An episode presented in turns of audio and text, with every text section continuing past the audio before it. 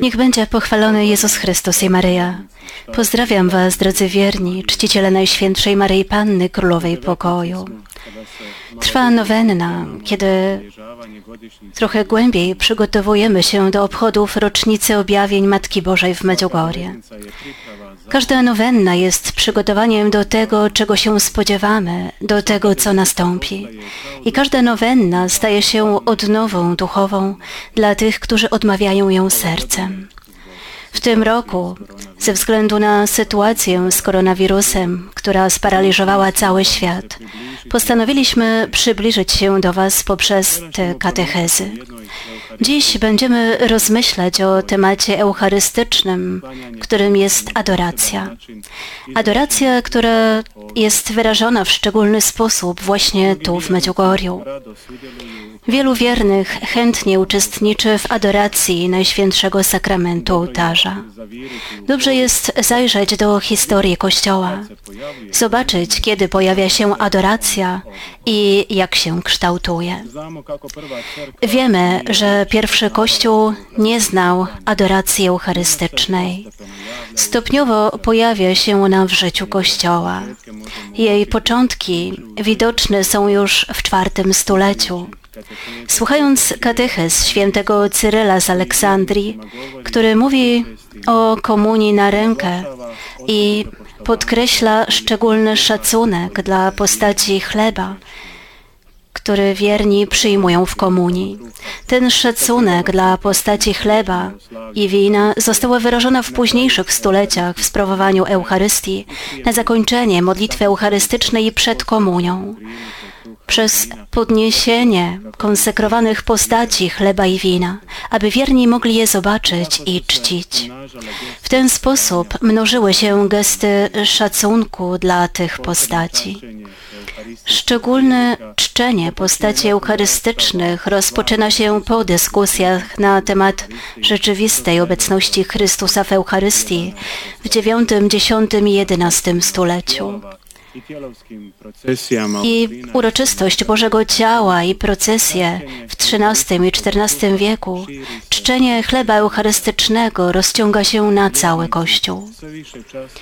Wierni coraz bardziej czczą eucharystyczną postać chleba poza samą mszą patrząc na Najświętszy Sakrament ołtarza i adorując. Taka forma przetrwała do dziś i jest szczególnie obecna w duchowości Medjugorja.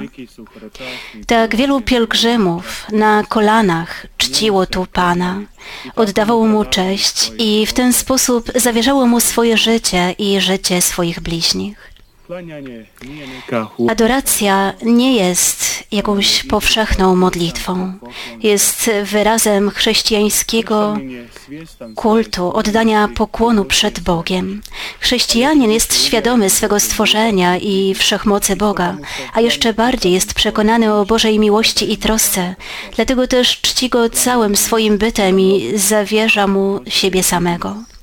Adoracja to forma, w której staje się widoczne również to. Człowiek składa pokłon przed Stworzycielem. Adoracja uczy nas pokory, walki z dumą. Ale dobrze jest uświadomić sobie, że w uwielbieniu zawarte jest działanie Boga. To znaczy w adoracji możemy i powinniśmy Go rozpoznawać. Jest to działanie Boga, którego celem jest wysławianie Ojca Niebieskiego przez zasługi Jezusa Chrystusa. W adoracji przedłużamy tę prawdę, którą celebrujemy w Eucharystii. Tak więc mękę, śmierć i zmartwychwstanie Jezusa. Dlatego każda adoracja powinna wznosić ducha człowieka ku Bogu poprzez rozważanie tajemnic Chrystusa, które można rozpoznać w prostocie chleba eucharystycznego. Ten chleb oznacza dla nas nieopisaną miłość Boga do nas. Dlatego adoracja wznosi nasze myśli i nasze uczucia ku Panu. Integralną częścią adoracji jest obserwacja, patrzenie na Najświętszy Sakrament. Ale nasze spojrzenie nie powinno ograniczać się do granic chleba, do tego, co jest widoczne dla oka. Nasze spojrzenie musi iść dalej i w chlebie ujrzeć Boga, który wszystko czyni dla nas i który wzywa nas, abyśmy byli Jego, abyśmy byli z Nim, byśmy stali się uczestnikami Jego miłości. Obserwowanie zawiera w sobie również rozważanie, rozmyślania, zajmowanie się tym, na co się patrzy, wnikając w istotę. Dlatego podczas adoracji patrzymy nie tylko na to, co jest widoczne dla oka, ale również rozmyślamy o tych tajemnicach, które przedstawia Najświętszy Sakrament ołtarza. I każdy, kto kieruje swoje spojrzenie na tajemnicę, pozwala, by ta tajemnica go kształtowała. Dlatego adoracja jest dla nas wyjątkowo ważna. Ona nas kształtuje. Papież Benedykt XVI powiedział, Właśnie wtedy, gdy patrzymy na Niego podczas adoracji, Pan przyciąga nas do siebie, do swojej tajemnicy, aby nas przemienić, tak jak przemienia chleb i wino. Istotą adoracji z pewnością nie jest to, że spędzamy pewną ilość czasu przed Najświętszym Sakramentem. Istotą adoracji jest kontynuacja tego, co celebrujemy w Eucharystii. W Eucharystii przekształcamy się w nowe stworzenia, karmimy nasze życie Słowem Bożym, Jego ciałem. Dlatego stajemy się lepsi, Chrystusowi. Stajemy się takimi, jakimi pragnie nas Bóg.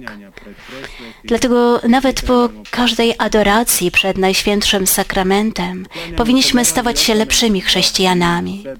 Adoracja nie polega na przekonaniu się o prawdziwości obecności Chrystusa pod postaciami chleba, ale abyśmy dzięki mocy Jego obecności stali się zaczynem lepszego społeczeństwa, społeczeństwa kierowanego logiką Chrystusa. Nasza Matka w niebie, Królowa Pokoju, zaprasza nas do uwielbiania jej Syna, a tutaj czyni się to chętnie i z miłością. Adoracje są wypełnione przede wszystkim obecnością Chrystusa, a zatem elementami komunii, takimi jak pieśń, modlitwa, cisza. W tych chwilach adoracji możemy naprawdę zobaczyć, że Pan uczy nas jedności, harmonii i tego, że wszyscy jesteśmy zgromadzeni wokół Niego i zawsze jesteśmy zjednoczeni. Dzięki mocy Jego ciała wszyscy stajemy się jednym ciałem. Święty papież Jan Paweł II często podkreślał, że adoracja jest ważnym codziennym ćwiczeniem i że staje się niewyczerpalnym źródłem świętości dla człowieka wierzącego. My, wierzący, musimy wiedzieć, że świętym można się stać jedynie w kontakcie z tym, co święte. Dlatego ważne jest trwać w obecności Chrystusa. Matka Boża nie bez powodu zaprasza nas do adorowania jej Syna.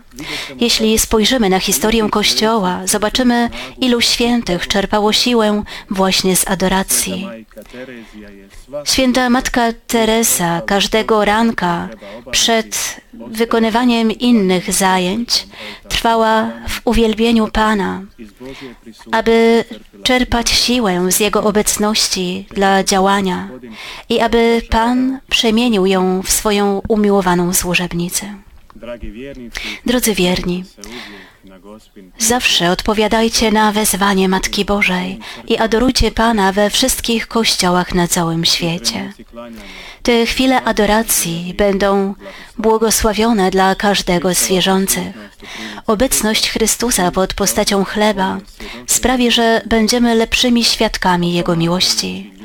A obserwując miłość ukrytą pod postacią chleba, odwzajemnimy Mu tę miłość. Po każdej adoracji następuje powrót do życia, do przestrzeni, w której żyjemy i do ludzi, z którymi żyjemy. To właśnie adoracja Najświętszego Sakramentu daje nam siłę, dzięki której możemy i powinniśmy odnawiać nasze życie i być zaczynem obecności Chrystusa na świecie. Za naszym pośrednictwem powinna być widoczna obecność Chrystusa na świecie. Dlatego adoracja nie jest i nie może być ucieczką od świata, od codzienności. Jest pomocą, zachętą ze strony samego Chrystusa. Pozwala nam dzięki Jego mocy przezwyciężyć wszystko, co stanowi przeszkodę na drodze zbawienia i żyć odważnie wraz z Nim. Posłuchajmy więc Matki, która zaprasza nas do adorowania jej Syna. Uczmy się od niej, która była doskonałą uczennicą. Idąc za jej przykładem i zachętą, my również staniemy się tymi, których całe serce zawierza się Panu.